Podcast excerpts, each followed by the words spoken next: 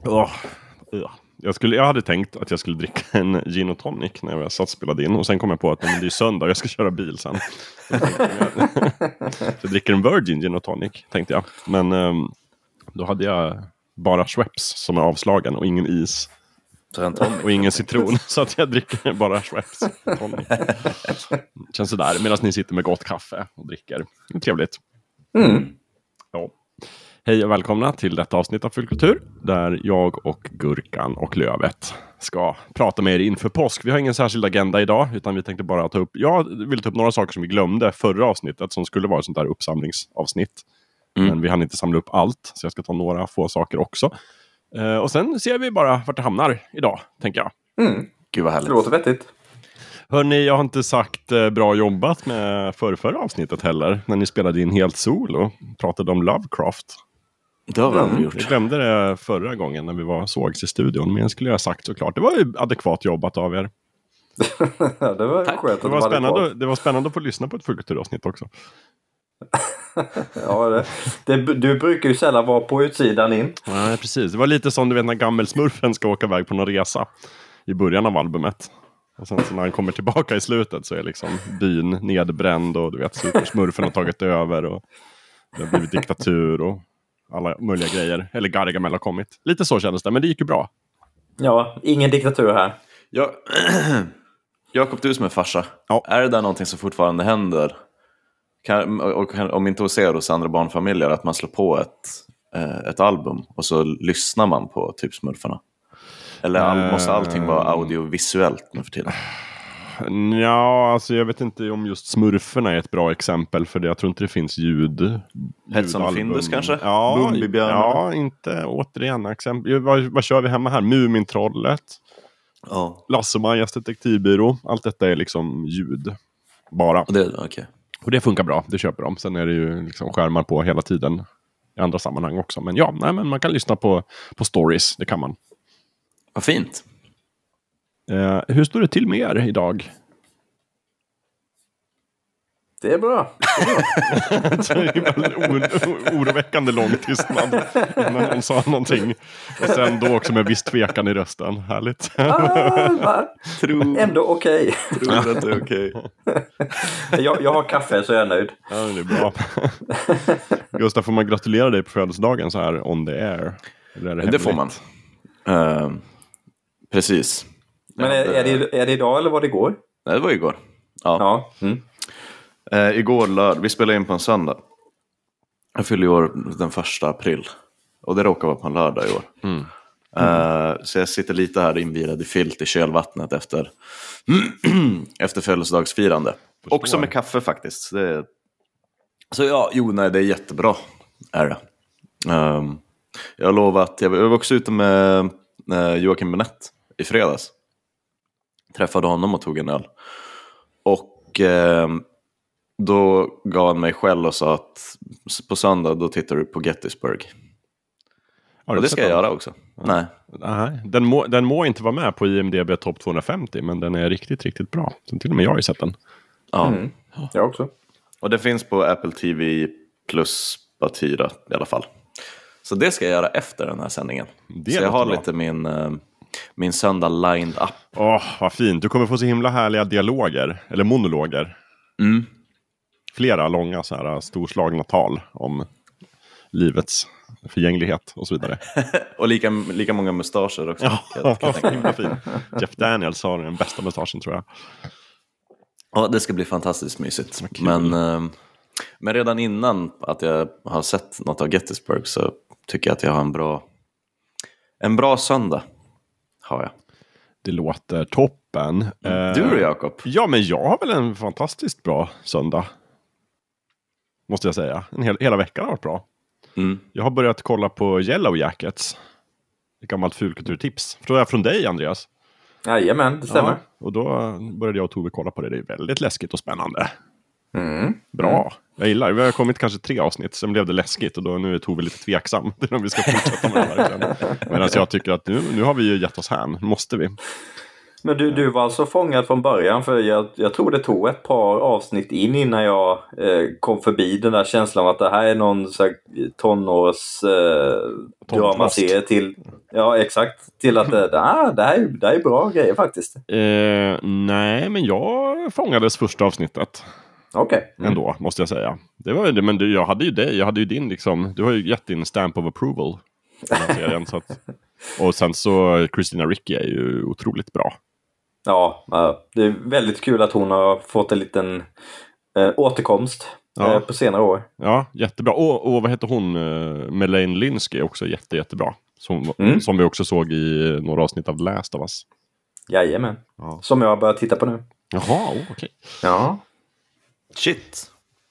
Jajamän. Jag har ju kollat klart på The- This is Us eh, häromdagen. Mm. Så vi har redan hunnit gå igenom fem avsnitt. jag och föräldrarna. Oj. Hur många plöjer ni per dag? Är det liksom binchar ni eller hur? eh, Ja, men vi ni? kan nog kolla på en två, tre avsnitt av en serie per dag. Beroende på hur tidigt vi hinner börja. eh, så första kvällen hann vi bara kolla på ett avsnitt. Och sen andra kvällen kollar vi på eh, två avsnitt. Mm. Och igår eh, hann vi bara kolla på ett avsnitt. För eh, eh, farsan skulle iväg på eh, Andrea Bocelli-spelning, konsert. Skojar du? Med Andrea Bocelli? Nej, nej, han skulle titta på Andrea Bocelli. Men det var den riktiga Andrea Bocelli som var där. Ja, det var det jag menade.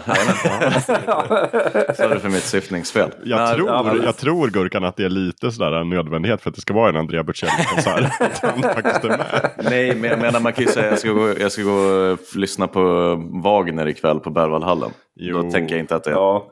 Nej, men det, här, det var ingen, uh, inget, var- ka- in, in, inget Bocelli-coverband utan det var faktiskt den faktiska Bocelli.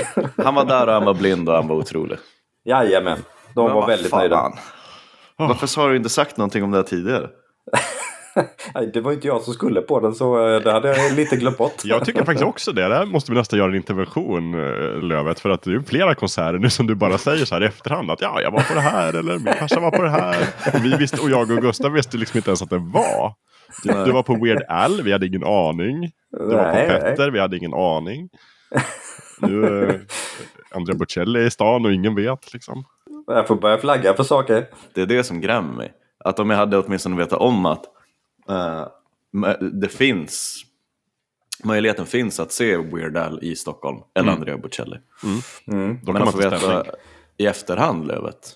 Ja, det är alltså Weird Al. Han är ju i Sverige mer sällan än Bocelli. Bocelli brukar väl typ var sjunde år komma till Sverige. Men Ja, eh, Weird tror- Al har ju varit i Sverige två gånger. Ja, exakt. Det känns Nu börjar att, du... så här, vi har, vi har en Discord-kanal, vi har en Slack-kanal. Du kan också använda liksom, kontaktformuläret på fruktturpodden.se om du vill.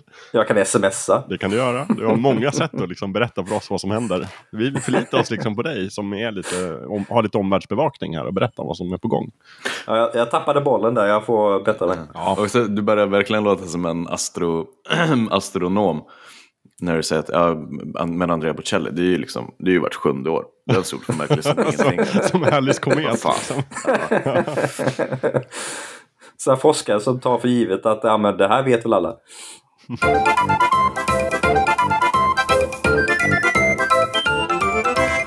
Eh, vi har fått ett brev till podden från Thomas. Det är tips till dig Lövet. Eh, såg du det? Han tipsade om, om Twilight Forces nya album At the Heart of Winter Whale. Det är tydligen JRPG, det. JRPG i symfonisk metal-skrud. Vad säger vi om det? Alltså det låter ju väldigt spännande.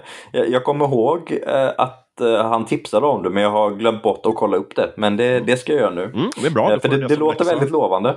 Ja, eller hur? Jag vill ju höra ut JRPG i symfonisk metal-skrud låter. Så att, eh, då får du Mm. rapportera till nästa avsnitt. Ja, ja. Ja.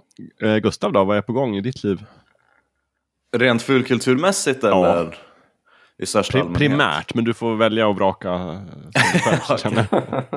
Eh, nej, men prio ett är ju att se eh, Gettysburg. Nu, jag tror, Jakob, jag måste säga, jag trodde att du skulle göra lite högre tjut när jag sa det. Ja, men det är fortfarande det där liksom, nyckeln till frihet som, som väger på mina axlar som en tung törnekrona. Så att jag känner att jag är liksom inte riktigt i position att, att kritisera någon annan okej. just nu här. Men det är klart att jag, jag är mest, men jag säger som du brukar säga, jag är mest glad att du ska få se den här filmen för första gången. För första gången. Ja. Mm. Mm. Ehm, vi, eh, ja, nej. Så det blir typ fyra och en halv timme inbördeskrig efter den här inspelningen. Låter underbart. Eh, innan den här inspelningen så har jag, eh, jag hoppade på den här öppna beta-testet av Diablo 4. Eh, det kommande Diablo-spelet. Mm. Steps of Blizzard i juni. På nationaldagen tror jag, men eh, citera mig inte. Jo, men jag tror vi kom fram till det va? Och så sen säger du, du vet om du köper 1000 kronors utgåvan så får du spela en helg tidigare. Typ. Oj. Men den Eh, här betan då, då får man spela redan nu? Nej, nej, betan var bara, de hade, alltså nu helgen 25-27 mars eller vad fan det nu blir. Ja. Det var en öppen betahelg och så sen helgen innan, dessförinnan var för de som hade förbokat. Så hade man förbokat spelet oavsett utgåva, då fick man smaka på det i mitten av mars. Och så sen så fick Kreti och Pleti också testa på det förra helgen. Just det, men det var liksom spela i en dag eller? Ja, ja, du kan, du vet, upp till nivå 25 och det är första akten och lite storybeats och sånt där. Jag tror de mest ville, det är som de alltid säger, vi ska stresstesta servrarna, men det är väl lika mycket för att planera kanske mm, nästa års utvecklingscykel för spelet. Vad tycker folk är helt åt helskotta? Och sånt där. Ja, jag fattar. Eh, och jag hade sån otäck ab- abstinens i tisdags. Jag tyckte att det var jätte, jätte, jättemysigt. Eh, så pass att jag laddade ner eh, The Ugly Duckling Diablo 3 och spelade igenom det igen. så det ser jag fram Så- emot. Den, den fula ankungen som faktiskt har blivit ganska vettig nu. Blev ganska sva- svanig på slutet alltså. Ja. Eh, men sen så, ja, där de tvistar lärde. Vissa tycker att det finns fundamentala brister i Diablo 3 som aldrig, aldrig går att polera bort. Eh, men om man tar det för vad det är så, så är det rätt trevligt. Och Diablo 2 är någonting helt annat. Och, ja, nu börjar vi komma in på sådana, du vet, 80-tals gamers som fäktas på internet med sådana som mig som gillar podracing. Ja. Diablo kom väl ändå inte på 80-talet? Nej, nej, men... eh, men eh, jag, Vi skulle tro att 80-talister. den- Ja, ja här- 80-talisterna spelade Diablo 1 och 2 kanske på sin PC Ja. på 90-talet. Och sen så, Jag skulle säga att the quintessential Diablo 2-spelaren är nog född 1982 på höstkanten. Vet du, det tror jag också. Det tror jag också. Ja. Eh, men det grämer mig bara lite, alltså förr i tiden när jag var typ 15, 16 och så såg man att ett spel skulle släppas typ i juni eller juli, augusti. Då blev man ju bara glad för då visste man att ja, men det är ju sommarlov. Så jag kan ju bara spela hur mycket som helst. Mm. Men det känns ju lite segt att det typ inte släpptes nu i mitten på mars kanske. När det fortfarande kan smälla till med ett riktigt jävla snöoväder utanför porten. Ehm, men ja, så vi får se. Sen säger jag ju inte heller att juni alltid är sommar och sol i Stockholm. Nej, men man kan gå ut i alla fall utan... Men man kan gå ut.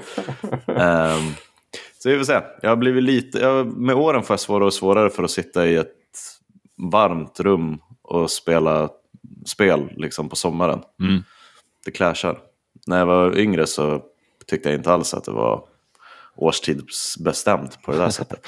Nej, när jag var yngre drog jag ut, liksom, då var ju datorerna ganska stora. Så då monterade Mm. jag upp den på balkongen istället. Jaha, Så kunde man sitta och spela sina peka och klicka äventyrsspel där med en Ja. lång, lång, lång skarvsladd.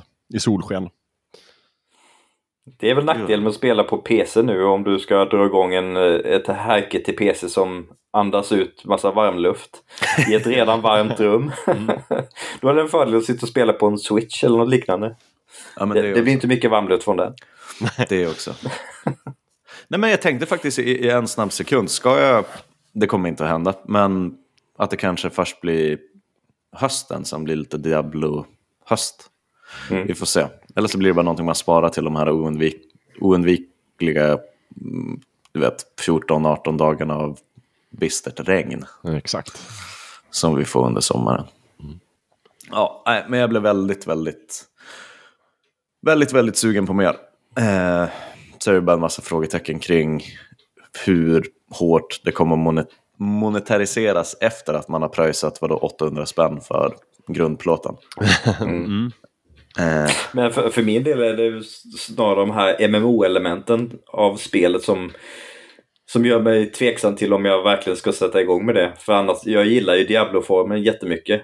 Men Ja. det, det är ju ganska mycket av Diablo 4 som har eh, gameplay-inspiration från MMO-spel. Det här med att du ska spela med andra och events och liknande. Och, ah, alltså, Men det hade, jag, det hade jag absolut inga problem med. Alltså jag, jag tror att ehm, om man vill spela det som ett single player action RPG ehm, då, då kan du göra det utan problem. Levet. Det enda som händer är att ehm, de, de skalar upp innehållet om fler dyker upp. Liksom. Okej. men, men det finns ingenting i spelet som du inte kan klara av på egen hand. Eller Men det, det, så- det är inte så att eh, det är vissa så här bossar som dyker upp som, eh, som Ja, du måste ta dig an. att de här världs, världsbossarna är lite mera gruppexklusiva. Men, men Mm. det är inte heller något som, ehm, som berör resten av gameplay-loopen eller liksom hur du tar dig an spelet.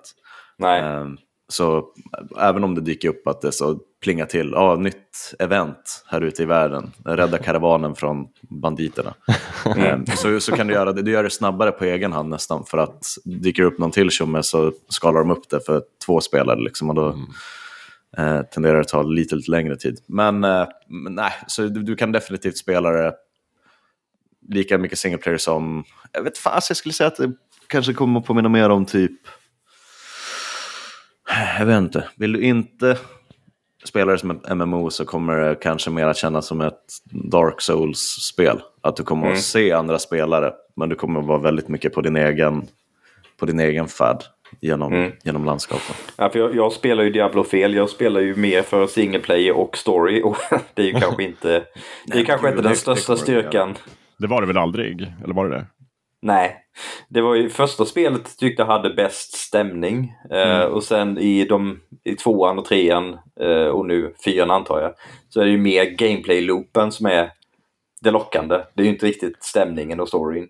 Eh, Fast där tror jag att du kommer, har du, du spelade inte någonting nu när det var beta-test? Nej, nej, nej. Ehm, där är det nästan så att jag tror att de kan ha över, överkorrigerat lite grann. Ehm, för att blidka de här uh, Diablo 1 och 2. Ja, det måste vara mörkt och det måste vara lemlästade kroppar och, och misär liksom. Ehm, You had med lemlästade kroppar. ja men där är det nästan lite, det, det blir nästan lite eh, typ, det snurrar nästan över och blir lite Sam Raimi, Evil Dead. eh, Oj. Alltså, det blir nästan lustigt blodigt på något sätt ibland.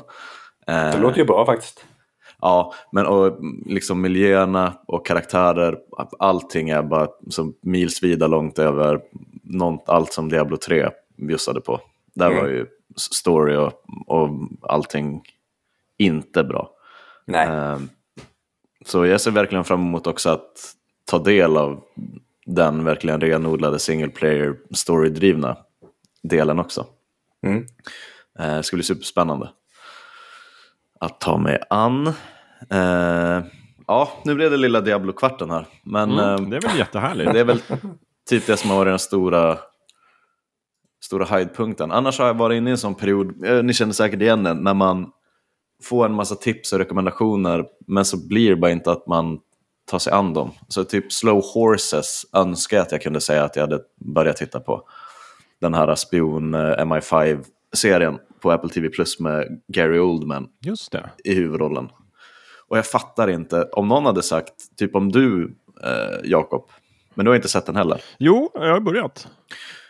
Om du hade haft den goda smaken och säga att eh, Kristin Scott Thomas är med, då hade jag Ja. kollat på den direkt. Ja, ja, men vadå, Gary Oldman, det är inte nog för dig? Jo, För jo, att du ska jo, kasta jo, dig jo. över en serie. Det räcker liksom inte. Du bara, nej, nej, du måste sockra den här dealen. Nej men för att då lägger jag den på, när någon säger att ah, det går en eh, spionserie på Apple TV Plus med Gary Oldman i huvudrollen, han är skitbra. Då placerar jag det på ett fack i min backlog som heter spionserie på Apple TV Plus med en bra Gary Mm. Oldman i huvudrollen. Just det, känns ju spontant som en jättelämplig kategori. Ja, men om någon hade sagt åh, och så sen så spelar Christian Scott Thomas någon typ av MI5-direktör. Då hade jag så, ja, du där borta, där bak i kön, kom fram, kom hit. Och bara fast trackat dem fram till första plats.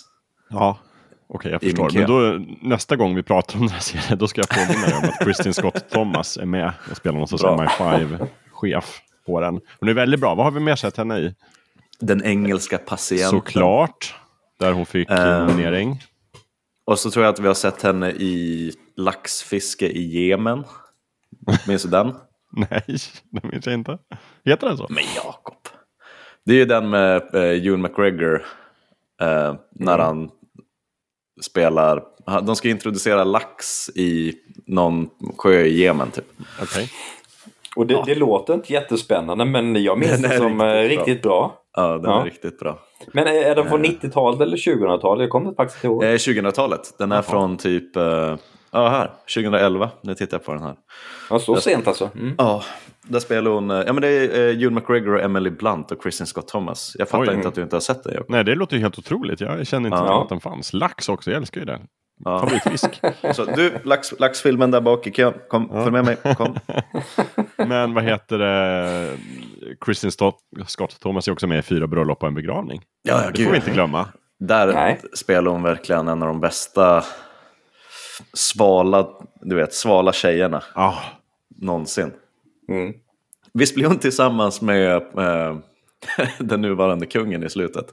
De har ju, du vet, montaget där med bilder till eftertexterna. ja, just Så det. sitter precis, vi plötsligt där med Prince Charles. Ja, exakt. För hon var ju, hon precis som alla andra i filmen var väl kär i eh, Hugh Grants karaktär, ja precis.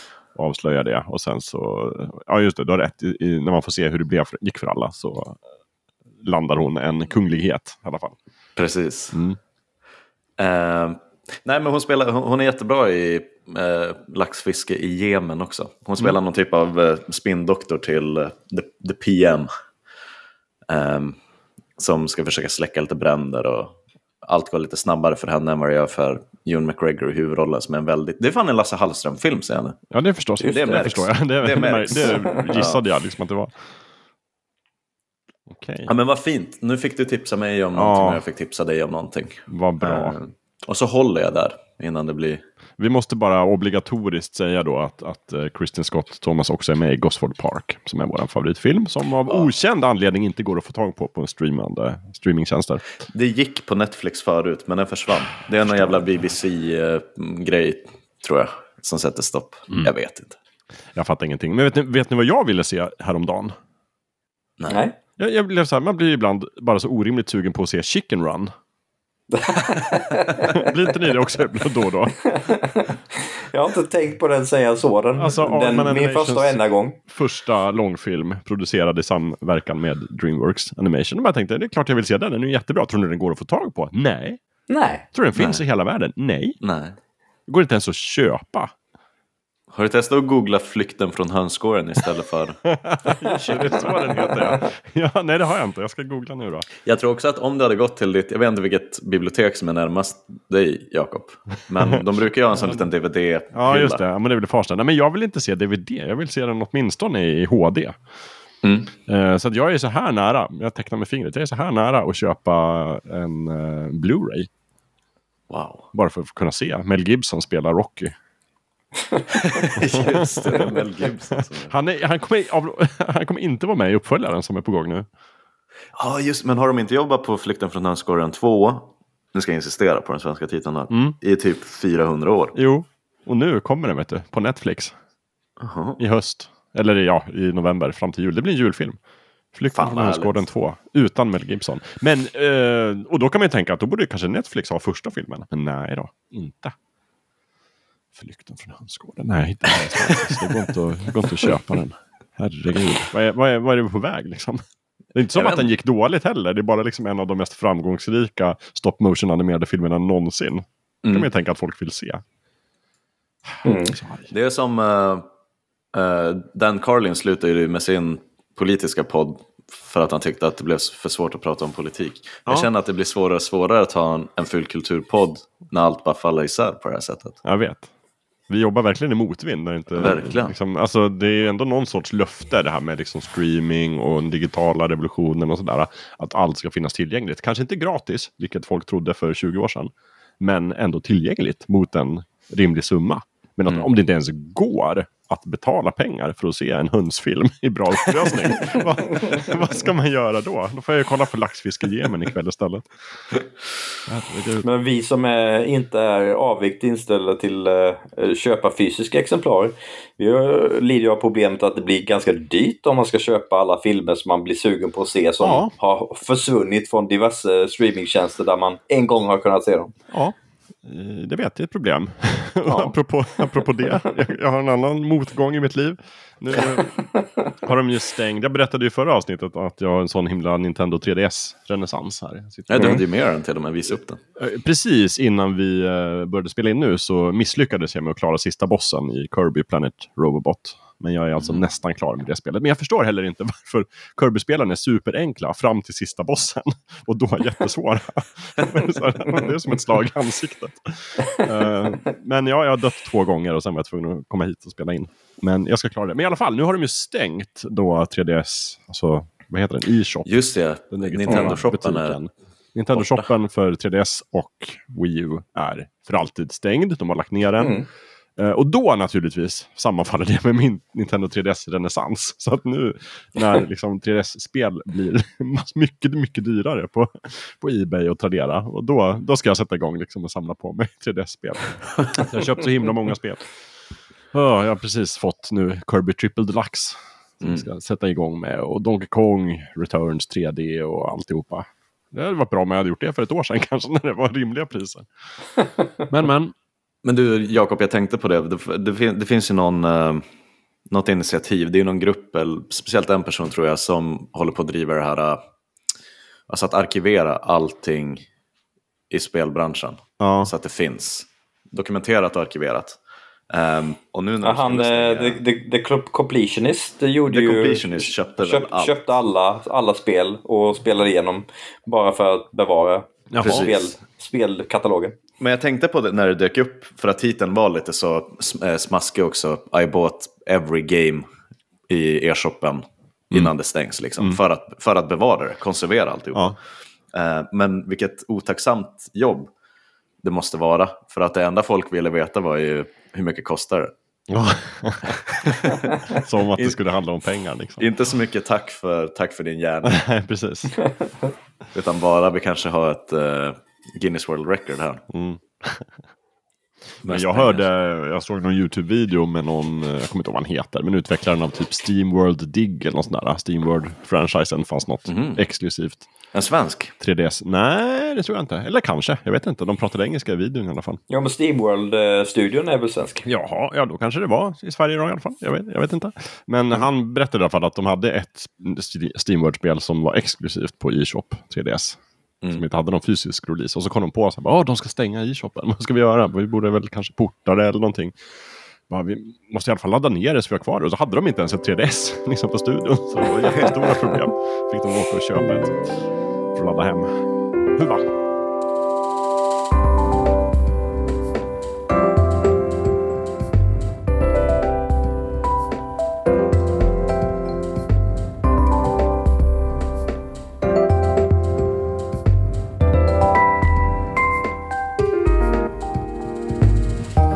Ja, men så det kämpar jag mot i alla fall. Eh, är det någon av er som har gjort något annat som ni vill lyfta upp?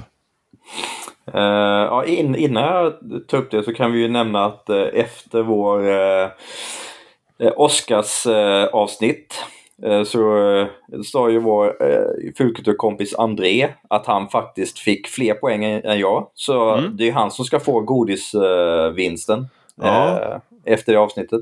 Just det. Han gjorde den här lite, lite fejkat, fejkartiga utspelet. Bara, Nej, men jag behöver ingen godis. Bara, jag är nöjd med bara liksom, vet, vetskapen att vinna. Jag är nöjd med äran. Ja.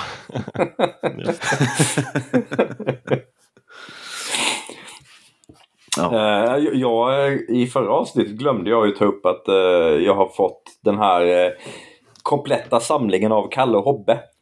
Som Oh. jag backade för ett, ett bra tag sedan. Kickstarter backade Eh. alltså. Exakt, Mm. exakt. Eh, och det, det, då, där samlar de, det är ju Apat förlag som, eh, som ligger bakom den.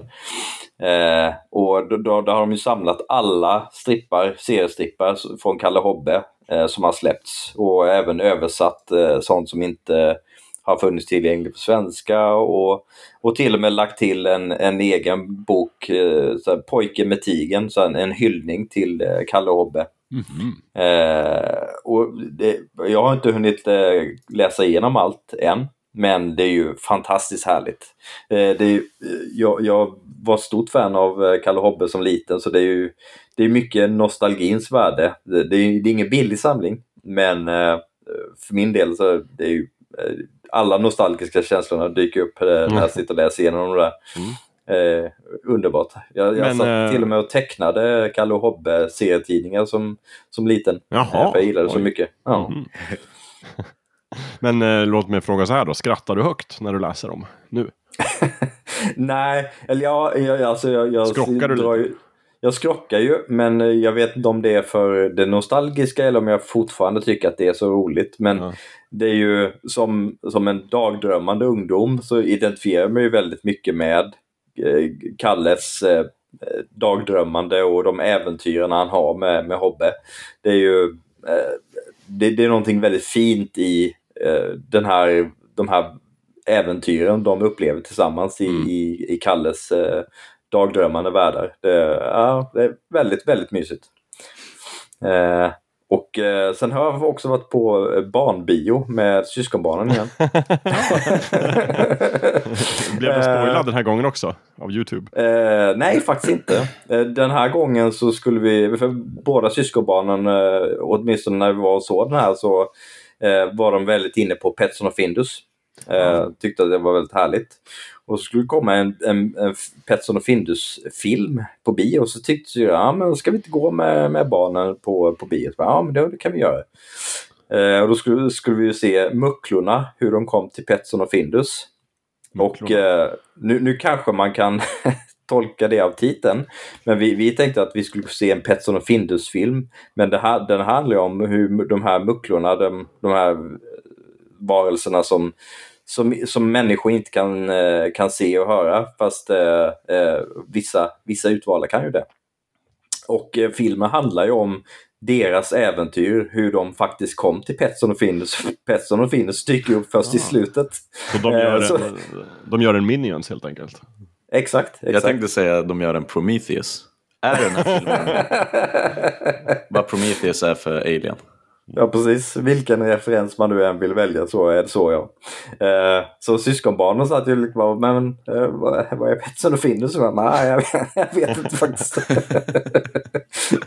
men de, de satt igenom hela filmen faktiskt. Och den är, den är typ 1,20 eller något sånt där. Eh, däromkring. Och de, de lyckas sitta igenom hela och vara engagerade och glada. Så att, eh, trots frånvaron av Petson och Findus under majoriteten av det. Så det var great success. Vad härligt. Ja. Eh, och sen eh, har jag sett lite, eh, lite filmer också. Jag var på, på bio med tidigare nämnd André. Och så eh, John Wick Chapter 4. Uff. Oj! Och den... Eh, det, var lite spe, speciellt att se. Eh, för, för det var ju i samband med att den gick upp på bio. Så gick ju Lance Reddick bort. Just Ja, det. just det. Eh, och det, är, det händer saker i filmen som, som blir ganska speciella. Eh, för för de, de visste ju inte, eh, när den gick ut till bio så eh, visste ju inte de om att det skulle hända. Så att det, det händer saker med hans karaktär som gör, ger filmen en ganska speciell känsla eh, runt hans scener. Eh, men men om, om man ska bortse från det så filmen till största del så tycker jag att den är väldigt bra. Eh, tyvärr så har de, de, de har ju steppat upp produktionen väldigt mycket. Allting är väldigt snyggt och det är välgjort. Men, men scenerna, de här stuntscenerna när ehm, eh, John Wick håller på att slåss med eh, allt, allt fler eh, motståndare. Så, så de, har, de har tagit upp eh, använt bruket av CGI ganska mycket, eh, vilket de inte använt lika mycket i tidigare filmer. Och, och det, det, det, det känns, nu, nu ska man inte använda realism, men, men de, de tidigare delarna har ju känts lite mer grundade i, i realism. Det, det är faktiska stuntmän som gör stansen i, i, i scenerna. Även om scenerna i sig är liksom, överdrivna och effektfulla så, så, så sker de ändå i det verkliga rummet. Och det, det används mer CGI i den här, tyvärr. Eh, och sen så eh, de här fighting-scenerna, de är betydligt längre. Eh, och och det, det, märks att de inte, det blir svårare för dem att, att få riktigt tajta eh, slagsmålscener. Jag, jag, kunde vid några tillfällen se att det var en stuntman som, som skulle göra ett utfall och sen så insåg jag att fan, jag, jag, jag har inte räknat in rätt så han backade, backade tillbaks och sen, och sen utför han sitt, sitt slag eller spark eller vad det handlar om. Eh, och, och, och det liksom när, när, när scenerna blir så intrikata som de blir här så då blir det svårt att inte få in något sånt eh, fel i det. Men annars eh, sjukt snygg. Och, och, det är en scen speciellt där både jag och André liksom satt oberoende av varandra de bara lutade över. Fan vad snyggt det där var. Och är inte det där lite Hotline Miami? Och sen efter vi hade sett filmen så, så fick vi reda på att jo, jo, den scenen var väldigt Hotline Miami. Eh, för er som inte känner till det, Hotline Miami är ett indiespel där man ser eh, ovanifrån. Eh, väldigt, väldigt 80-talsinspirerat där du håller på och skjuter och slår dig igenom. Lite som typ de, GTA 1 och 2 fast med eh, brutal eh, slagsmål och vapenvåld istället för bilar. Mm. Eh, eh, väldigt estetiskt eh, lyckat. Och den här scenen är, som det bara växlar över väldigt smidigt i, i John Wick Chapter 4 är är väldigt, väldigt Hotline Miami 4 och väldigt, väldigt snyggt gjort. Det, efter den scenen var det så var okej, okay, jag var lite tveksam tidigare på grund av CGI och eh, eh, de onödigt intrikata fighting-scenerna, men med den här scenen, ah, jag är på tåget igen. nu gillar jag det här. eh, men så, så, sammantaget väldigt, väldigt bra. Vad tyckte du om längden då? Den är ju liksom Sagan om ringen lång. Är det sant? Tre ja. timmar och någonting minuter. Nej, den är väl 2,50 va? Stämmer säkert. Ja. Eh, jag, jag, jag hade inte kollat upp det innan så, så den dagen vi skulle se den så skrev, eh, skrev André bara den är, den är ju 2,50 lång. ja, det, det hade jag inte riktigt väntat mig. Eh, de, de andra filmerna är väl strax över två timmar typ. Så att, men men den, den kändes inte, utöver att några fighting-scener kändes lite för långa så den, den var aldrig, jag tyckte aldrig den var tråkig. Eh, det kändes inte att den var 2,50 lång faktiskt. Mm. Så på det sättet lyckades de. Vad kul. Håller du med mm. om att, eh, för det är den högst... Vad har den? Jag tror den halkade ner på 89 nu på Rotten Tomatoes, men den var ju där uppe på 93-94. Mm. 80 recensioner in eller något sånt där. Det är den bäst recenserade John Wick mm. hittills. Mm. Men då är ju frågan om den kommer om den kommer hålla den nivån över tid. Eh, för om, när ett spel eller film eller någonting släpps och det är uppskattat så brukar ju betygen hoppa upp runt mm. releasen och sen kanske sänkas lite över tid. Men för, för min del, jag tycker nog, jag gillar nog trean bättre. Den var, den var tajtare och de använde inte CGI så mycket utan det var faktiska och, och ändå liksom förvånansvärt komplicerade stuntscener i den mm. filmen. Eh, så, så, jag tycker nog den är, den är bättre överlag. Eh, men eh, fyran är, den håller, håller hög nivå, det måste jag säga. Hur mycket Bill Skarsgård är eh, Bill Skarsgård, ja men det, han är ju ganska mycket. Mm. Eh, och eh, han, han spelar ju en fransk karaktär. Mm. Så jag och André, jag och André diskuterade också, så här, men varför valde de just Eh, en svensk skådespelare för att eh, spela en, eh, en sadistisk fransos. Så, ah, jag vet inte, de kanske hade sett uh, It It-filmen och tänkte att den här eh, liksom, psykotiska Pennywise-svennen kanske skulle vara perfekt som en sadistisk gangsterfransos. Ja, why not? Vincent Cassell var upptagen så de var tvungna att leta sig utanför Frankrike. Ja, men han är ju som vanligt väldigt, väldigt bra. Mm. Eh, och sen har jag också spelat Octopath Traveler 2. Det här JRPG eh, som är av den klassiska eh, turordningsbaserade stuket med 2,5 2,5D. Eh, de använder 3D-grafik fast 2D-sprites. HD 2D. HD 2D, precis. Eh, sjukt bra spel. Eh, fantastisk soundtrack, precis som första spelet. Eh, det enda jag kan klaga på är väl att eh, och, och, det här är ett klagomål som eh, rotar sig lite i hur jag är eh, funtad som, eh, som spelare. Men eh, det, jag, jag, för det, strukturen är att man, man får ju följa åtta karaktärers olika eh, berättelser. Men olika du väljer en... Exakt. Ja. Och sen så du, du, väljer en huvudkaraktär vars berättelse du i, i huvudsak följer. Men så under resans gång så kommer du stöta på de andra karaktärerna. Och då får du välja, men vill du, vill du spela det här första kapitlet? Eh, och väljer du då ja så, så dyker deras andra kapitel också upp på världskartan som du kan välja att spela om du vill. Mm. Eh, men, men du kan också välja att säga nej och sen återuppleva eh, de kapitlen senare om du vill. Mm. Men jag har ju det här FOMO Fear of missing out. Så när, när frågar vill du uppleva det här kapitlet? Jajamän, det vill jag. och sen så stöter du på väldigt många sådana kapitel. Så du har 50 timmar senare så bara, men jag har ju inte spelat förbi andra kapitlet på min huvudkaraktär. För jag har ju spelat alla de andra kapitlen. Vilket du inte på något sätt är tvungen att göra. Uh, men, jag, men jag känner att första spelet eh, det, det portionerade ut de uh, mötena li, lite bättre bättre. Eh, för med, med tvåan här så inom de första timmarna så hade jag upplevt, jag tror tre, fyra första kapitel av andra karaktärer innan jag eh, kunde fortsätta på, eh, på min huvudkaraktärs. Mm. Men, men det, är ju, det, är ju, det är ju bara för att jag är som jag är. Så det, det är ingen som tvingar en att, att börja spela de kapitlen så fort du stöter på dem.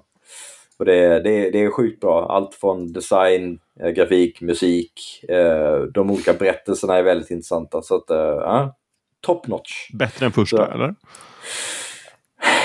Um, ja, nu, nu, jag har bara upplevt typ halva alla karaktärernas berättelser. Så jag ska inte säga så mycket, men det är definitivt på nivå med första spelet. Mm. Det, det, är inte omöjligt att det kanske slutar slutat bättre. Men eh, definitivt på nivå med första spelet. De har inte steppat ner på något sätt. Så är man sugen på ett, ett klassiskt JPG av bästa snitt så ja, är både ettan och tvåan är solklara rekommendationer. Men Lövet, nej just det, nej det var ingenting. Det var ingenting. Är det lätt eller svårt? Eller alltså Eh, alltså det beror på om du spelar som jag och hoppar på alla kapitel som finns i din absoluta närhet så, så kan du hoppa på ett kapitel som är ett gäng levels över vad, vad du bemästrar. Ah, okay, ah. eh, det, det råkade jag ut för. Jag spelade så kapitel 3 på en karaktär när mina karaktärer var på strax över kapitel 1 nivå. Eh, och då fick jag ju hålla på och levla och grinda som en tok för att kunna klara den slutbossen på det kapitlet. Men eh, det är ju bara för att jag är som jag är. Om du, om du, följer, om du, om du följer kapitlen som de är tänkt att följa så, så, är, så är det inte jättesvårt.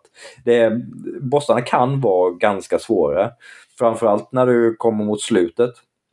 Mm. Om du inte utnyttjar eh, de här eh, för det, är ju sådana här, ett stagger-system. Eh, om, du, om, du, om du träffar fienden eller bossen med eh, vapen eller magier som är svaga mot eh, så kan du få in dem i staggerläge. Och i staggerläget så gör du mer skada. Um, och, och, sen, och, det är ju eh, det, det, kan vara olika svårt att uppnå det och hålla dina karaktärer vid liv. Eh, och när du möter de eh, bossarna senare i spelet så eh, då steppas du de där den där balansen upp, svårighetsgraden den balansen upp ganska mycket. Jag minns i första spelet eh, när, när jag kom till de, de sista bossarna mot slutet där. Då fick jag eh, levla och grinda en hel del för att och, om du bara ska klara dem på liksom, minsta möjliga levelnivå då måste du utnyttja spelets system nästan klockrent för att kunna klara dem. Mm. Om du inte ska liksom, grinda dig upp till en tillräckligt komfortabel nivå. Och det, det, känns som att det är samma sak här. Det eh, jag, på ett så kapitel 3 eh, boss, det, det kapitlet var rekommenderad level 30, 30 eller 31. Mm. Eh, och jag, jag försökte mig på den på just 31 och jag hade ingen chans mot den bossen så jag var tvungen, att levela upp mig till typ level 45 tror jag. Eh, för att kunna klara den komfortabelt. Det hade ju gått om jag verkligen har gett mig den på att ja, nu ska utnyttja de här systemen till, till fullo. Men det hade varit en rejäl utmaning. Så, ehm, så det, ja, det är svårighetsgrad av den lite högre nivån. Om du, kul. om du försöker, försöker dig på en level över, eller ett kapitel över vad du egentligen är levlad för. Nej, men för jag insåg att jag, jag blandade nog ihop, för jag kom på att, för det var ju du som eh, spelade det här One Piece eh, Odyssey-spelet. mm. Och där var väl den största kritiken att det är, det är för enkelt. Eh, Ja, det kan ju precis. Suga lite glädjen ur ett sånt eh, rollspel. Att man, det spelar ingen roll vad man gör, man kan bara klicka på button mash A liksom, och bara glida Mm. genom, genom, genom Och, hela och det var ju tråkigt därför att spelet i övrigt var ju väldigt bra. Och är för JRPG-fantaster och One Piece-fantaster så. Men när, när du mot slut, slutbossarna i princip kan bara Ja, som du säger, bara button masha, trycka in attackknappen och, och klara det mesta. Då, ja, det, det förtar lite av eh, spelglädjen när du inte har någon utmaning alls. Ja, vad kul. Mm. Men det är exklusivt till eh, Nintendo Switch, eller? Nej, det, det, det har varit eh, tidsexklusivt. Men nu ska det komma till eh, PS4, PS5. Eh, undrar om det kommer till Xbox Series. Det kommer jag inte ihåg. Men det kommer till PC också. Eh, nu till, till våren. Jag kommer inte ihåg vilket datum det var. Mm. Men, eh, så det, det blir tillgängligt på fler plattformar. Men det finns ju på PS5 och Switch nu. Mm. Och jag kommer inte ihåg om det är PC också. Förmodligen PC också. Mm. Så att där har man att välja på. Vad fint. Och vad spelar du på Switch? Jag spelar på Switch men jag har PS5-version också. Klart du har. Ja, bara För det kom ju, det kom ju en fin Steelbook-utgåva. Jag kunde inte köpa stil, två Steelbook-utgåvor så tänkte jag Nej, vore den vanliga. Det är orimligt. Ja. det är mycket rimligare att köpa Switch-versionen och spela den och Ja. låta eh, Steelbook-utgåvan till PS5 vara orörd. Ja. ja, Det är olika definitioner av ordet rimligt. Verkligen. Oh ja. Ja, du, du är alltid vår mest rimliga medlem. den här podden. Sa du helt oironiskt. Ja, absolut. Eh, hörni, vi har fått en fråga till här från sociala medier. Som Mhm. inför förra avsnittet, men som inte hann komma med. Men som vi tar den här gången istället. Det är Tofflor som frågar vilken blir nästa stora tv-produktion baserat på något gammalt glömt? Ringworld typ, skriver han. Eh, vad har ni för tankar om det? Alltså jag tänker mig att det är ju, alltså vi har fått Sagan om ringen tv-serien eh, nu. Fast den heter inte det, den heter Rings of Power. Vi har fått Foundation, vi har fått, vad har vi fått mer? Alla Game of Thrones. Ganska mycket, mycket franchises som filmas och blir dyra tv-serier av de här streamingjättarna. Och Tofflor frågar då, vad blir nästa? Jag, jag, jag tänker mig att han kanske inte är ute efter ett faktasvar utan att vi ska känna efter vad, vi liksom, vad som är på gång som vi ser fram emot. För jag har inga datum nämligen. Jag vet inte när saker kommer släppas. Men måste vi att- plocka från grejer som, är, som det finns stoff för? Eller kan vi drömma Ja, stort? jag, tänker jag tycker vi får drömma fritt. Han preciserar ju inte det i frågan. Att, men det måste vara bortglömt, skriver han. Mhm. Men det vet jag inte om, om Sagan om ringen var riktigt. Så det kanske var ett exempel. nej. Men, ja, men vi tar, vi, vi, vi kör laget runt bara så får vi höra vad vi, vad vi själva tror. Jag har några kandidater. Ja. Börjar du då, Jakob? Ja, nej, men han, han nämner ju Ringworld och det är ju en, en gammal, ja men den är väl lite bortglömd kanske. Gammal science Mm. fiction-bok av, eh, vad heter han? Larry Niven, så här, 70-tals sci-fi. Eh, som är på gång som Mm. en tv-serie. Jag vet inte riktigt hur det går med den, men den är, ska i alla fall göras. Jag tror att det är typ Amazon Prime. De köper väl det mesta. Så, att, ja. så det blir kul. Men sen är det faktiskt också två andra science fiction-bokserier som är på gång. Som jag kanske har lite varmare känslor. Jag gillar Ringworld också. Men, men en av mina favorit sci-fi-serier är Gateway av Fredrik Pohl. Som jag nämnt, tror jag, i podden tidigare. Mm. Och den är tydligen också lite så här early development som det heter. För att bli en påkostad tv-serie på någon streamingtjänst. Eh, och det, om den blir bra så är jag jätteglad för den är väldigt spännande. Det finns mycket stoff kan man säga i den.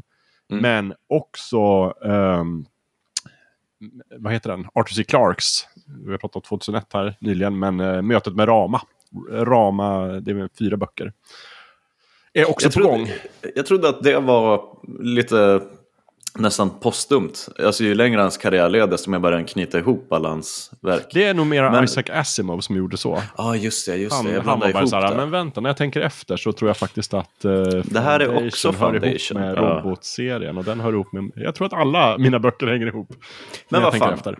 Ah, Okej, för jag tror nog alltid att eh, Möte med Rama är en Asimov-grej. Ja, Men han har Eh. något liknande som är så eh, 100 000 år efter Foundation blev det sen.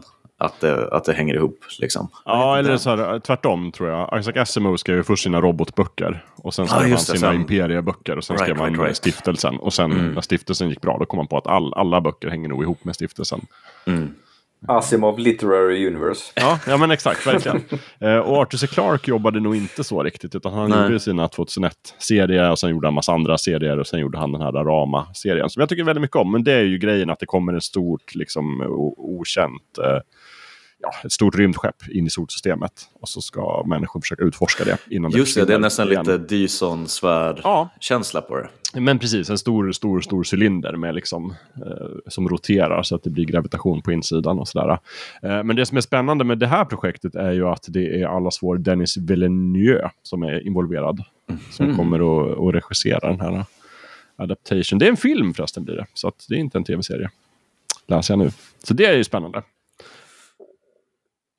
Ja, På, på tal om det, Jakob. Eh, det var för mycket finkultur över för att nämna det. Men jag var också på, igår på min födelsedag så var vi på Liljevalchs vårsalongen. 2000 vad trevligt. 2023. Mm. Eh, och för er som lyssnar som inte vet vad det är så har Liljevalchs en utställning varje vår där man får skicka in, vi skulle kunna skicka in ett bidrag dit. Och så är det en jury som då väljer ut konsten, konstverken som ska vara med på utställningen. Det brukar vara högt och lågt, men det är Okej. jättekul. Eh, vi brukar vara, åka dit ett kompisgäng varje år. Och så sen så får man gå runt där och så väljer man sina, du vet, topp fem typ. Och så sen så, eh, ja, hög, högt och lågt där, även när vi kritiserar och bedömer det som finns. eh, ett år var det någon som hade gjort i päronträ snidigt skrumpna små torkade snu, portionssnus. Oj. Och man kunde köpa dem för 800 spänn styck. Eh, och jag var så nära på att köpa en. Det såg otroligt eh, verkligt ut. Eh, men till exempel det. Men det jag skulle komma till var att det var det här var första året när AI-genererad konst var med. Ah. Så det var, det var någon som hade ett gäng, liksom, ja men typiskt sån Midjourney, Dalle 2-konst. Eh, och det såg ut som att det var tre konceptbilder från Dune Part 2. Ja. Typ. Och grejen var att vi, vi var 50-50, vi var tre killar och tre tjejer. Och det var så tydligt att alla vi tre killar, så fort vi kom in i rummet så blickade vi tvärs över och sa det där är, det där är AI. För att vi har, det är bara någonting, det blir bara en speciell stil. Ja. Ehm, och det gav oss ingenting. Jag var så otroligt, eh, ja, det kändes så platt. Men jag tänkte det att om det hade stått, eh, du vet, Dune Part 2 Ja. coming to cinemas in 2023. Då hade jag nog delat den i slack med er två och sagt, gud vilken snygg poster. Just det. Och varför vet jag inte. Men, eh, men eh, om ni, ni hinner fortfarande dra till vårsalongen, om ni vill, ute på Djurgården. Mm. Eh, Jag tyckte att det var väldigt, väldigt Dunigt och Asimovigt. De där AI-genererade bilderna. Coolt. Ja, det såg ut som, eh, du vet, eh, Utah år 10 050. Något sätt. Vilket är lite Arrakis kanske. Eh, Ja, jag har faktiskt jag har läst en del om så, här, eh, musik, eh, al- albumcovers eh, som, eh, som jag tänkte, vad fan vad snygga de där är. Mm. Och så har jag kollat upp det i efterhand och har eh, den kreatören använt sig av AI-genererad eh, artwork i kombination med typ Photoshop Mm. redigeringar för att skapa det och det är aldrig någonting jag hade kunnat, kunnat gissa innan, innan jag liksom fredade för den informationen. Så det, det görs så jäkla mycket med AI just nu. Mhm. Det gör det verkligen. Eh, och det är en hel, liksom, vad ska man kalla det, subgenre att man, man, man sidar sin kreativitet med hjälp av ett program typ Midjourney. Där man bara skriver in en prompt och så sen så spottar den ut en, en bild. Men sen plockar man in den i Photoshop och så sen så begår man digital konst på den grundplåten. Liksom. Ja, precis. Eh, Så att det blir en mix av AI-genererat och eh, otroligt skickliga illustratörer och grafiker och animatörer för att skapa Mm. någonting. Eh, ja, men gud, det känns som att det här är någonting som vi kommer att prata om mer och mer i fullkultur på massa olika sätt. Det senaste var ju det här att eh, Ubisoft vill introducera lite så chat, GPT-liknande i deras spelutveckling. Så att den här lite mera- NPC-dialog och sådär. Exakt, det lite mera fyrkantiga, tråkiga. Att avlasta eh, deras skrivargäng och låta en AI gener generera eh, dialogen till, till NPCs i Assassin's Creed. Men då känner jag att ingen hade fan märkt det. De Nej.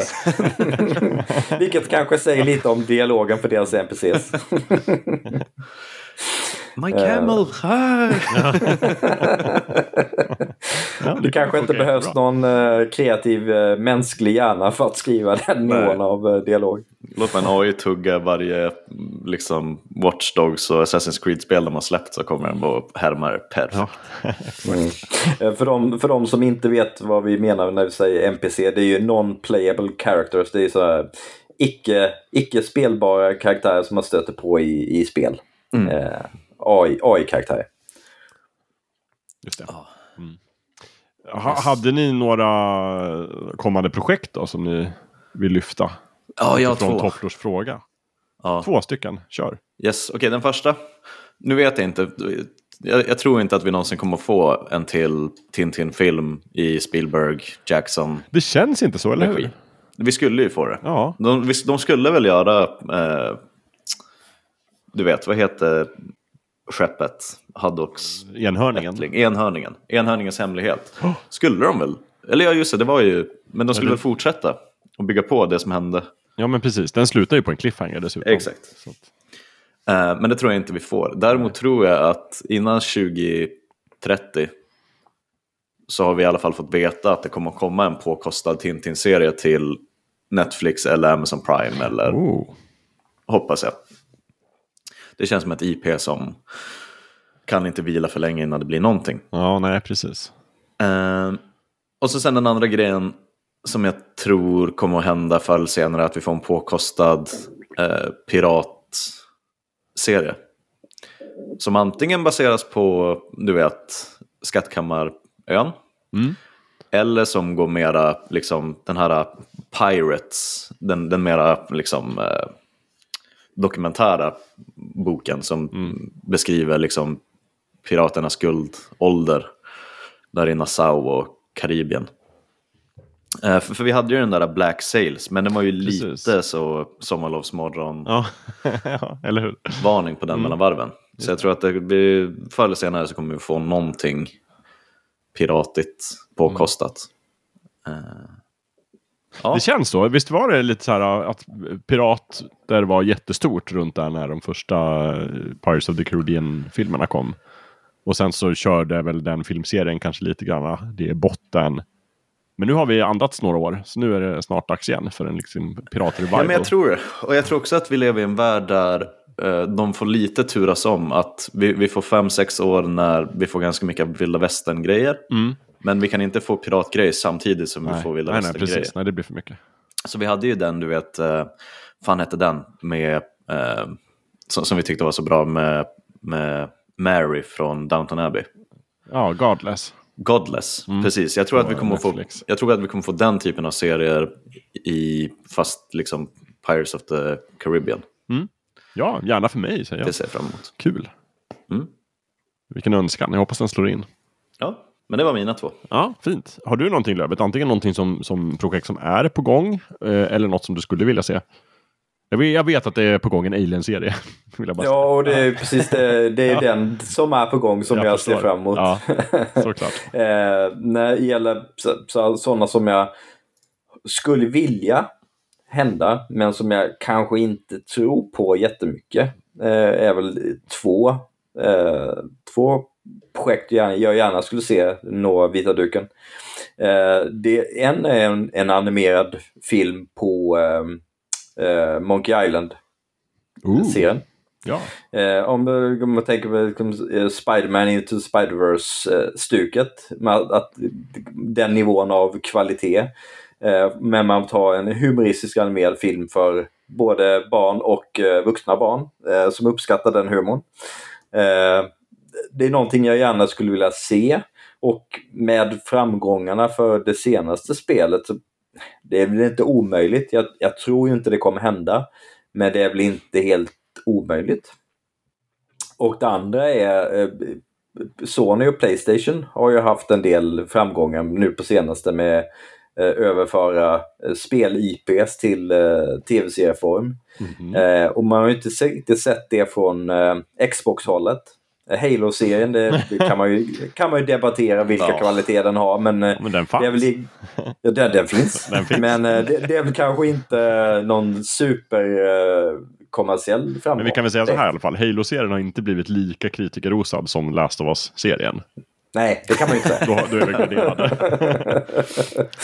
Eh, men eh, jag, jag skulle ju gärna se att eh, Hellblade eh, tar steget över från eh, tv-spel till en, en, eh, en mörk eh, och gritty serie som de säger, jänkarna. Eh, för, det- för er som inte känner till det, Hellblade eh, Senua's eh, Sacrifice en Microsoft-publicerad titel där man utforskar eh, eh, Senua, eh, huvudkaraktären, hennes eh, kämp, Liksom, problematik med eh, psykiska eh, problem och eh, vanföreställningar. Eh, och det är väldigt välskriven, typ dubbel A, alltså, inte, inte en trippel A-produktion. Men det är, allting är väldigt välgjort. Allt från musik till manus, musik. Eh, och ta upp ett, ett ganska allvarligt ämne på ett väldigt bra sätt.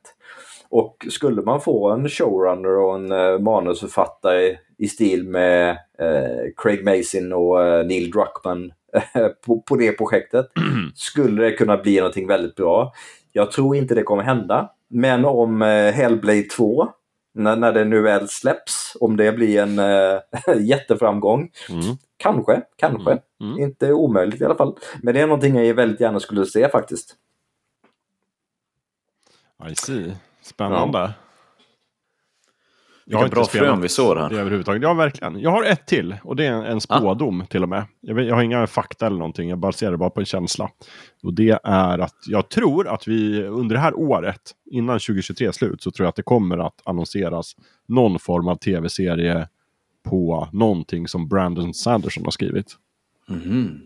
Mhm. Stormlight Archives. Ja, Stormlight Archive eller Mistborn. Eller någon av hans andra 200 serier som han håller på med. Alltså det är ju en sån otroligt produktiv författare. Och det är därför jag tycker det är så osannolikt att alla andra fantasy-serier i hela världen har filmats. Ja. utan, utan hans. men, men nu känner jag bara så här, nej men det här är det ju, alltså någon har ju köpt options på alla hans serier. Och någon, någonstans på någon streamingtjänst så sitter de och tänker så här, vi, vi skulle behöva en fantasy-serie. Vad, vad säger ni om Mistborn? Eller Stormlight Archive. Och så gör de det. För han var ju också, han är ju så mycket i ropet nu eftersom att han gjorde typ världens mest framgångsrika Kickstarter-projekt någonsin. Och fick in typ, vad var det, 43 miljoner eller någonting. Ja, för Eftersom att, han, eh, eftersom att han under pandemin då, när vi andra satt och spelade spel, så satt han och skrev typ fyra romaner. Bara liksom sådär på kul, utöver sina andra romaner som han skrev. Så här, fyra hemliga romaner, så bara hej, här är de. Och sen så har han gjort någon sorts Kickstarter på att ge ut dem i fina fanutgåvor och, och ljudbok och alltihopa. Eh, och drog in liksom 43 miljoner. Så det känns som att det finns en viss fanbase runt honom. Som eh, antingen Amazon eller Apple eller någon har snappat upp. Så att, ja, det kommer hända, det är min spådom. 43 miljoner. Jag undrar hur mycket hans lika i sig av den. Ja, några miljoner i alla fall. Ja. Jag tror inte han var direkt fattig från början eftersom att han har Nej, är åtta ettor på New York Times bestsellerlistan och, och så vidare. och så vidare. Så att, ja. Kul. det, det tror jag. Vi får se. Vi kör uppföljning senare. Vill du ha en annan spådom, Jakob? Ja, gärna. Det blir ingen tredje säsong av Wheel of Time. Ja, okej. intressant. Det kan du ha rätt i. Men vi får se. Ja, tvåan är ju... Jag har gärna eh, fel, för jag lock- hade kunnat titta, Liksom. titta på det bara för eh, Rosamund Pike. Oh, ja. Varje gång jag tänker på Wheel of Time så tänker jag på Rosman Pike. Och varje gång jag tänker på Rosman Pike så tänker jag på den här Die ganska dåliga... Day. Ja, Bond-filmen som inte är så bra. Mm. Men jag känner bara, jag blir så sugen på att se den. Bara för att jag vill se hon vara en av världens bästa eh, i den filmen. Oj, oj, Så ni oj. tänker, Ja, på Doom, ni tänker på Doom alltså? Tyvärr. Nej. väldigt sällan faktiskt. Men det är Jag klart, på- man kanske ska se den av samma anledning. Men det är sjukt, jag tänker faktiskt på Die Another Day innan jag tänker på ehm, Ben Affleck, fan heter han? David Fincher. När de spelar galen mördare. Seven. Nej, nej, nej, nej, nej. Ben Afflecks fru försvinner. Ja, Gone Girl. Gone Girl, tack Ja, så mycket. precis, just det. Där är hon ju också helt otrolig. Ja, hon är bra. Tyvärr är allt annat i filmen dåligt. Men så är det ju också med Bond. Gone Girl? Nej, jag tycker inte om Gone Girl faktiskt. Jag Jaha. gör inte det. Eh, det. Jag vet att jag är i minoritet, men jag gör inte det. Men jag tycker absolut om Rosamund Pikes insats i filmen. Så att jag Ja. kan absolut se den ändå. Har ni sett uh, I Care A Lot? Nej. Nej, med... eh, hjälp mig nu. Eh, vad heter han? Tyrion Dinklage. Lannister. Peter Dinklage, tack. Mm. Ja, men blev inte den lite halvsågad löt när den kom? Alltså den är, jo jag har för mig att den fick väl så här, ja, 6 och 7 av 10 om man ska gå efter den skalan. Ja. Eh, men jag tyckte den var ganska bra. Det är ingen fantastisk eh, film på något sätt, men eh, eh, småtrevlig. Och Rosamund Pike är ju alltid, alltid Mm. jättebra. Men okej, Dinklage I care a lot. Är det en mörk komedi eller en thriller eller är det allt blandat? Ja, det, alltså den har ju komiska inslag men ri- riktigt mörk komedi skulle jag inte kalla den. Det är Nej. mer, eh, mer en mörk thriller med vissa komiska inslag. Right, vad var det premissen var? Hon tar hämnd på... Nej? Nej, hon, eh, hon är någon sån här eh, solovåre som... eh, Hon är, hon är väl god man åt Ah, eh, någon sån här, någon, en äldre kvinna eh, som, som, hon- som hon svindlar. Eh, och sen... Eh, det var ganska länge sedan jag såg det, men jag har för mig att hon, hon, den här kvinnan är rätt slug. Den här äldre kvinnan är rätt slug. Och, och så, så ska Rosamund Pike försöka få henne omyndigförklarad på olika sätt. Och så använder hon sig av Peter Dinklage. Och, ja, ja. Eh, mi- minnet är lite vagt men, eh, men eh, eh, typ Rosamund Pike och jag har för mig att det är Diane West som spelar hon den här äldre kvinnan. Också alltid jättebra. Eh, så den, den är sevärd men det, det är ju, den, är, den är inget eh, superminnesvärt. Nej. Uppenbarligen eftersom jag inte kommer ihåg detaljer av premissen. Men, eh, men eh, det, det, definitivt sevärd om man vill ha lite mer Rosamund Pike i sitt liv. Snyggt. Hörrni, jag har en till sak jag har gjort sen sist som jag egentligen gjorde i januari men som jag inte har hunnit säga förrän nu. Mhm. Jag har ju lyssnat på en ljudbok. Vi hade ju avsnittet där om Project Hail Mary. Mm. Och sen har vi ju alla sett The Martian och kanske läst den också. Då har jag tänkt att nu ska jag ta den tredje delen av han Andy Wires. Eller det är ingen del, det är en fristående bok, men hans tredje bok har jag läst. Nämligen Artemis. Mhm. Eller läste läste, jag lyssnade på den som ljudbok för att det är så jag jobbar nu för tiden. Men eh, den, eh, det är också en sci-fi precis som de andra två. Det här är, utspelar sig typ i en ganska nära framtid. Och det utspelar sig på månen i den första månstaden. Jag tyckte den var bra. Mm, Men den kändes väldigt mycket som de andra två eller? Ja... Eh, Är det det- kompetensporr här också? Jo, men det är det ju. Alltså, nej, fast ja, det är det. Men man förstår. Det är en kvinnlig huvudperson. Så det är en, en variant. Men det är typ också en så här oerhört duglig och snabbtänkt och liksom problemlösar karaktär naturligtvis. Eh, han försöker nog variera lite med att det här ska vara lite grann typ en screw-up. Det är ju också någon sorts heist-bok. Liksom. De ska göra en stor kupp. Liksom.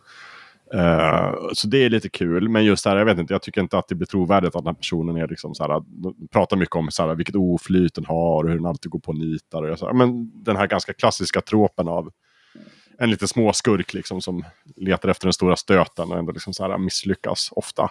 Jag tycker inte riktigt det håller, men den är fartig och underhållande och spännande. Och liksom, eh, ja, om det hade varit sommar hade jag lyssnat på den i hängmattan. Mm.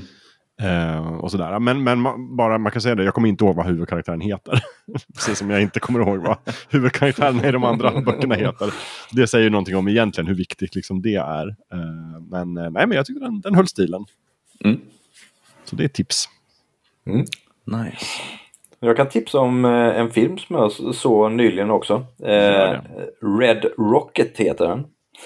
Eh, och eh, handlar om en, eh, en, en vuxen, fi, vuxenfilmsskådespelare eh, som återvänder till sin, eh, sin hemstad. Eh, har inte, inte gått så där jättebra för honom. Eh, så han återvänder till sin hemstad och sin exfru och måste, måste bo där efter han har kommit ut från eh, fängelset. Och han spelas av Simon Rex. Som vissa kanske känner igen från bland annat eh, Scary Move 3. Den minns vi väl allihopa. Ja, självklart. Ja, vi har gått in i den här Eh. fasen av avsnittet. Jajamän.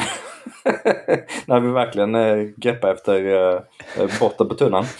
Men eh, den, regis den regisseras av Sean Baker som också låg bakom The Florida Project som jag tror att jag har Mm. pratat om i tidigare avsnitt. Eh, och hans, hans stora grej är att han, han plockar en stor del av sin eh, sin, sin, skådespelaruppställ från eh, helt okända eh, skådespelare eller sådana som inte är skådespelare överhuvudtaget som man plockar från eh, andra delar av samhället. Mm. Eh, och i, ehm, i eh, The Florida Project, eh, hon som spelar huvudkaraktären där var någon, en, en person från Instagram som, som han hade upptäckt som man trodde skulle passa väldigt bra den rollen.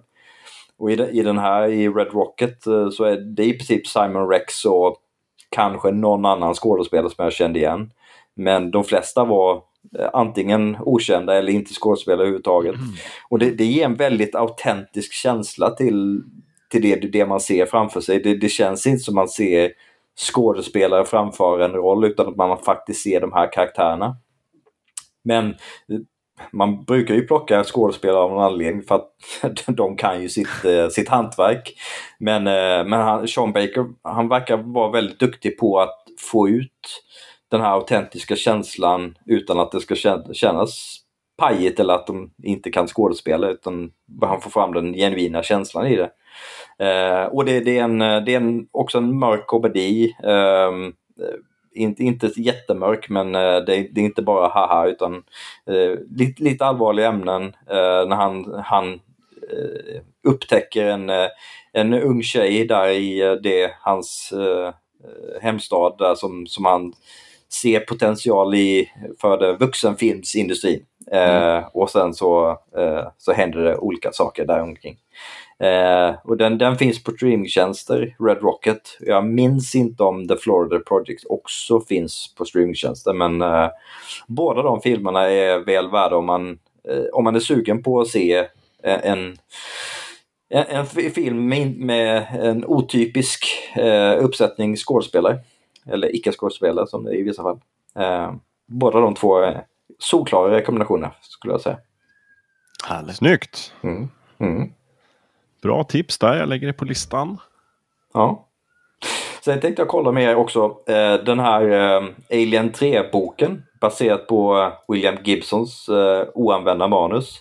Mm. Eh, är det någonting ni tror att ni kommer kunna eller vilja läsa igenom? Eller ska jag viga en liten del av ett kommande avsnitt till att eh, vädra mina tankar om det? Alltså om du tar med dig den till nästa studieavsnitt, då kommer jag hugga den av dig och läsa den. Mm. Eh, Och, så och, då, och då i så fall, om du gör det, då kommer jag lyssna på den som ljudbok. Ja. Och, om den finns som ljudbok. Ja, Det vet jag inte faktiskt. Nej, jag ska kolla. Eh, Jo, men det finns. Men det gör det. Nej, det, det var ingen ljudbok och den var på tyska. Så att, jag, ska, jag ska kolla. Men Pat Cardigan, jag ska kolla här. Hitta den. Det är inte alls en, jag- en dålig idé, ja. eh, Lövet. För jag var sugen på, jag tror jag har sagt tidigare att ta gärna med den. Eh, Mm. Så nu, nu tycker jag att vi bestämmer. Ja, vi Ja, bestämmer. det gör vi. Bra. Jag tar med den. Eh, Precis. Och jag läser den som e-bok helt enkelt. Här. Mm. Mm. Så kan vi prata om den. Bra, Härligt. topp. Fint. Jag fixar direkt. Jag behöver något att läsa på påsken. Jag skulle vilja stanna vid, så länge jag kan eller på att säga. Ehm, för jag skulle vilja dissekera det lite. Kör hårt. Eh, men vi har inte tillräckligt mycket på det nu för att göra liksom ett avsnitt om det. Men eh, om det var Jocke som frågade mig i fredags, liksom, eh, för vi satt och snackade om The Last of Us och eh, Rings of Power och lite av de här stora, stora grejerna som har kommit på sistone. Och Jocke sa att The Last of Us var liksom den sista grejen han hade på radarn som han verkligen såg fram emot skulle släppas. Och att han var lite så, nu vet jag inte riktigt vad jag har framöver. Eh, och eh, då sa jag att, ja men, en grej där som, som jag har, eh, som, som rankar, jag rankar där uppe, att jag vet att jag kommer att se det där, är eh, Masters of the Air, Ja, såklart. visst. Eh, och för er som ser ut som frågetecken nu så är det den tredje Band of Brothers-serien. Um, så det är egentligen Tom Hanks, Steven Spielberg. Um, de gjorde Band of Brothers, sen gjorde de The Pacific och nu är deras tredje försök på andra världskriget Masters of the Air. Som ska följa den åttonde, Eighth Air Force of the United States Army under andra världskriget. Mm och vi har ju snackat om den här flera gånger, eller jag har mer än nämnt Masters of the Air skulle jag säga. Ja, vi har aldrig riktigt gått in tidigare- på den, men den har nämnts. Precis, precis. Men jag tänkte att nu ska jag göra det för att den är ju slated, som de säger på engelska, att släppas på Apple TV Plus eh, mitten av våren 2023. Och jag tycker väl fan att vi är förbi mitten av våren 2023 Nej, jag tycker vi är i början av våren 2023. Eh, Okej, med, med, tanke på, med tanke på snöovädret vi bara hade för ett par dagar sedan här i, Mm. Ja, men i. Stockholm. Men, Men det borde ju hända nu när som helst, eh, Ja. att vi får ett eh, släppdatum. Verkligen. Men alltså vadå, den ska släppas mitten av våren 2023? Ja, Då borde vi ha fått en trailer nu. Jag tror inte den kommer släppas mitten av våren 2023. nej. Playtone executive Kirk Sadusky revealed that Masters of the Air will begin streaming mid-spring 2023. Okej. Ja, då så. Eh, Frågan vad han tänker. Tänker han liksom att när ett dygns medeltemperatur överstiger noll grader? Eller tänker han så här gammal meteorologisk hävd då att, att vårmånaderna är mars, april, maj? Precis, Då är det, ska sista söndagen. komma runt 15 april då i så fall? Ehm, nej men det, det, det är de säger i alla fall. Det, det är det Mm, Okej, ja, men det låter jättebra. på- Toppen. Jag hade bara räknat ut den. Jag hade tänkt att den kommer nog inte komma förrän 2024. Nej, samma här. Men, Men ja, nej. du vet, en kvarts miljard dollar i budget. Eh, Så det är några grejer jag skulle vilja lyfta upp. Mm. Om det nu, du vet, stundar ett släppdatum för den där. Så att vi har lite koll och har Mm. primat våra lyssnare på det innan. Ehm, Så en grej är det, väldigt, väldigt hög budget. Ehm, Och till det hör också att eftersom att det nu kommer handla om flyggossarna eh, på den amerikanska sidan under Mm. andra världskriget eh, så förväntar jag mig väldigt många scener i en cockpit eh, och uppe i luften. Mm. Och de, jag tror att de kommer helt och hållet köra det med hjälp av den här eh, LED-panelstekniken som vi tycker så mycket om i Andor och The Mandalorian och alla Disney Plus Star Wars-serier Just det. för att bygga upp trovärdiga miljöer eh, som inte är där på riktigt. Eh, så jag hoppas verkligen att det känns trovärdigt och bra, flygscenerna. Eh, det, för de kan ju inte göra, du vet, det är en av mina favoritaspekter av Dunkirk, Nolan-filmen. Scenerna med Tom Hardy uppe i luften. Ja. Ja, ja. Eh, Men han satte väl fast en IMAX-kamera på en Spitfire och kör upp i, i luften liksom. Eh, väldigt mycket.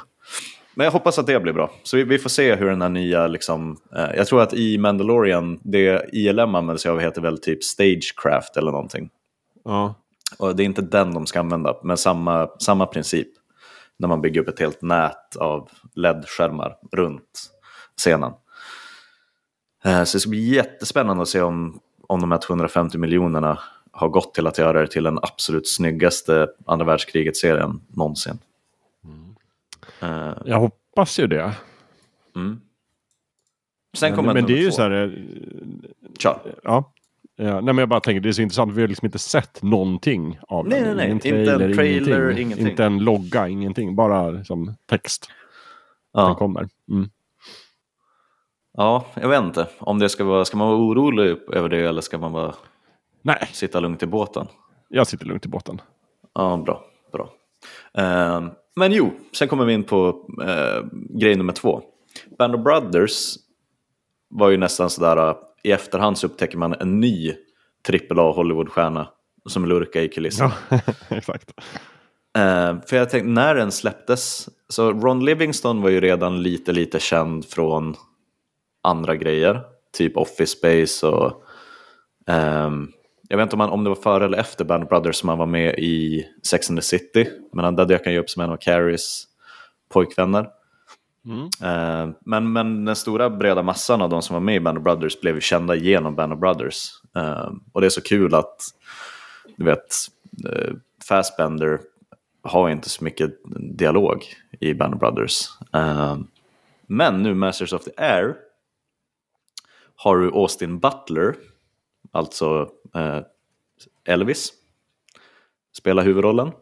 Och du har också eh, Barry Keegan, som vi alla tyckte så gott om i skitfilmen The Eternals och den fantastiska filmen Banshees of Inisherin. Ehm, så jag undrar hur det kommer att te sig nu när vi kommer få Masters of the Air och när den serien väl släpps så kommer en del av skådespelarna som är med i det projektet inte kännas som något litet fynd som Tom Hanks och Steven Spielberg gjorde. Utan det kommer vara liksom Elvis i huvudrollen. Och Sin Butler är ju verkligen en stor stjärna nu. Eh, sen är det väldigt många sådana brittiska skådespelare som man har sett i lite diverse. Du vet, de, de har varit med i två avsnitt av Downton Abbey och Ja, sånt där. precis. Men jag blev skittaggad. För att jag tycker om Austin Butler och Barry Keegan jättemycket. Jag tror att de kommer att te sig väldigt bra i, i en andra världskriget-serie av den här kalibern. Så nu är min hype på, på max. Vad kul. Mm. Hur känner du Lövet för Master of Air? Eh, jag är inte en av de som är riktigt lika upphausad över de här serierna som eh, vissa andra. Nej. Jag tycker de är väldigt bra. Eh, men så, så jag, har, jag har noterat att Master of the Air är på väg. Men eh, har väl inte för kanske varit så jätteupphaussad. Men eh, när Gurra nämner de här skådespelarna som är inblandade så då blir jag ju hypad bara genom det. De brukar ju alltid vara fantastiska. Och, Och så är det också Carrie Fukunaga som ska regissera de första tre avsnitten i alla fall. Av hur många det nu blir. Väldigt kompetent. Så det, det lär ju bli väldigt bra och väldigt sevärt. Så eh, jag är försiktigt hypad om inte, än inte lika hypad som, som vissa andra. Man kan ju inte anklaga dig för att vara varken möp eller höp heller, Lövet. Nej, På samma jag är sätt nog ganska... Peka på mig och Gettysburg Jakob och säga Mm. det där är eran, eran grej.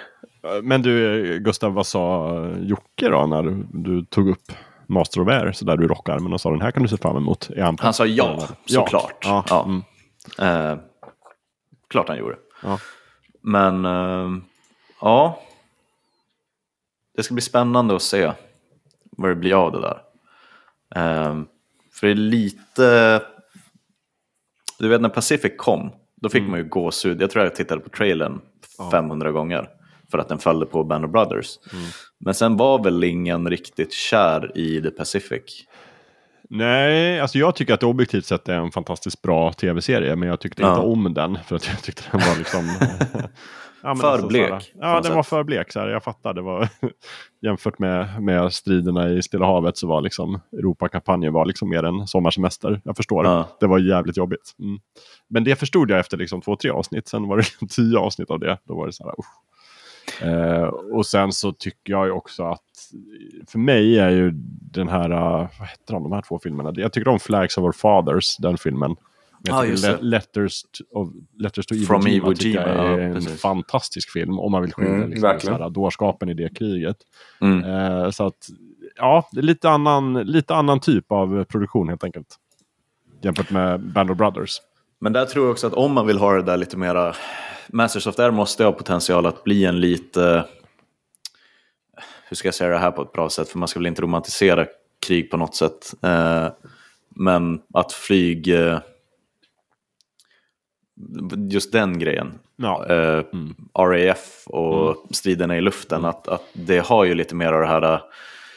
Vad ska man kalla det? Gentlemannamässiga eh, lite upper class-grejen Ja, ja men absolut. på något sätt. Ehm, Så vi får se Men- hur det blir. Ja, men alltså jag tänker att man kan göra film om krig på lite olika sätt, eller tv-serier för den delen också. Mm. Ett sätt är ju bara så här, nu ska jag visa hur hemskt det är med krig. Och det finns ju en del riktigt bra sådana. Eh, alltså från eh, Apocalypse Now till liksom, ja, The Pacific, eller Letters of Iwo Jima också. Men sen Mm. finns det den andra med den här kanske lite drama Karaktärsdrivna. Där Ja, där man tittar på så här, vad händer med den här liksom, gruppen av ofta män då, som är med i kriget. Och då Mm. har vi ju den här som vi tyckte så mycket om, eh, Gustav, eh, nu senast. Eh, vad heter den? När de var i Egypten, i öknen. Ja, ja, ja. Rogue Heroes. Ja men precis. Ja, Det gjorde ju precis. det alldeles förträffligt. Och Band of Mm. Brothers gör ju det alldeles förträffligt. Och jag tror att den här kommer göra det eh, alldeles förträffligt. Jag tror vi kommer få lära känna på djupet liksom, besättningen i de här bombplanen och piloterna. Mm. Och liksom, förhoppningsvis också lite folk också på basen och lite annat. Eh, sådär. Eh, med då kanske mera kriget som inte som en backdrop men som eh, det som driver, alltså det, det yttre hotet man ska säga. Mm. Eh, utan att för, på någon skull liksom romantisera kriget. Men jag tror att det kommer bli ett spännande, spännande drama på ett annat sätt. Det tror jag också. Jag hoppas det i alla fall. Det är ju baserad på boken Masters of the Air, America's Bomber Boys Who Fought the Air War Against Nazi Germany. Fantasifull titel. Eller hur? Gissa En den den heter. titel. Ja. Jag tänker, nu, när, nu när serien heter bara Masters of the Air, tänker jag bara på, eh, vad fan heter? Justin Timberlake i Social Network. Ta bort Ja. the. Bara, fe- bara Facebook. ja, precis. Just det. just det. Mm. Ja. men spännande. Mitten av våren säger du. Det är, Mitten av våren. Det är nu ju det om bara några veckor. april. Vad härligt. Mm. Ja. Ja. men alltså det, jag vet inte, Apple känns ju som att de också bara så här, droppar serier. Sådär. Från ingenstans. Ja, Ja. Typ så här, ja men imorgon börjar Ted Lasso säsong tre, va? Jaha, okej. Så bara, då tittar jag väl då. Men det här är den här serien, det här är den här serien. och Här är Slow Horses. Ja. Så jag verkar inte vara helt inne på hur man köper annonser på sociala medier. men eh, ja, man, den lär väl dyka upp då på hemskärmen snart, hoppas jag. Jakob, jag har glömt bort. Varför ska jag kolla på Slow Horses? Gary Oldman och sen så... eh, Nu tappade jag namnet. Det, det räcker inte. Det räcker inte. Hon i Fyra bröllop och en begravning. Jaha? Kristin Scott Thomas. Ja, exakt. Kristin Scott Thomas är med. Det är därför No, du ska shit. titta på den. Ja, då blir den... Ja, Just tack. Så nu, nu tycker jag att du ska gå och förbereda dig för Gettysburg. Och sen så om du orkar efter det så tittar du på första avsnittet av Slow Horses. Mm. Och du, Lövet, vilken söndag jag har framför mig. du Lövet, du får göra vad du vill. Jag ska spela med Octopath Traveler 2. Det låter bra. yes. Eh, jag, kollar, jag kollar också upp eh, om man vill streama The Florida Project kan man göra det på HBO Max.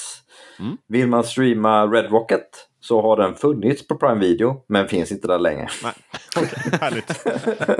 så man får hyra den på Viaplay om man verkligen vill se den. Okej. Yes. Det börjar bli mer regel än undantag nu, Levet, att du tipsar om någonting som inte går att få tag på. Ja, tyvärr. Ah, Ja, men det hör ju lite till också. så. Det ska vara, vi ska, jag tycker det är bra att vi blandar lite. Vi gör så här, några lättillgängliga tips, några svårtillgängliga tips. Mm. Mm. Så ska det vara. Du, eh, Lövet, nej, Jakob, en sista grej innan vi sticker. Ja.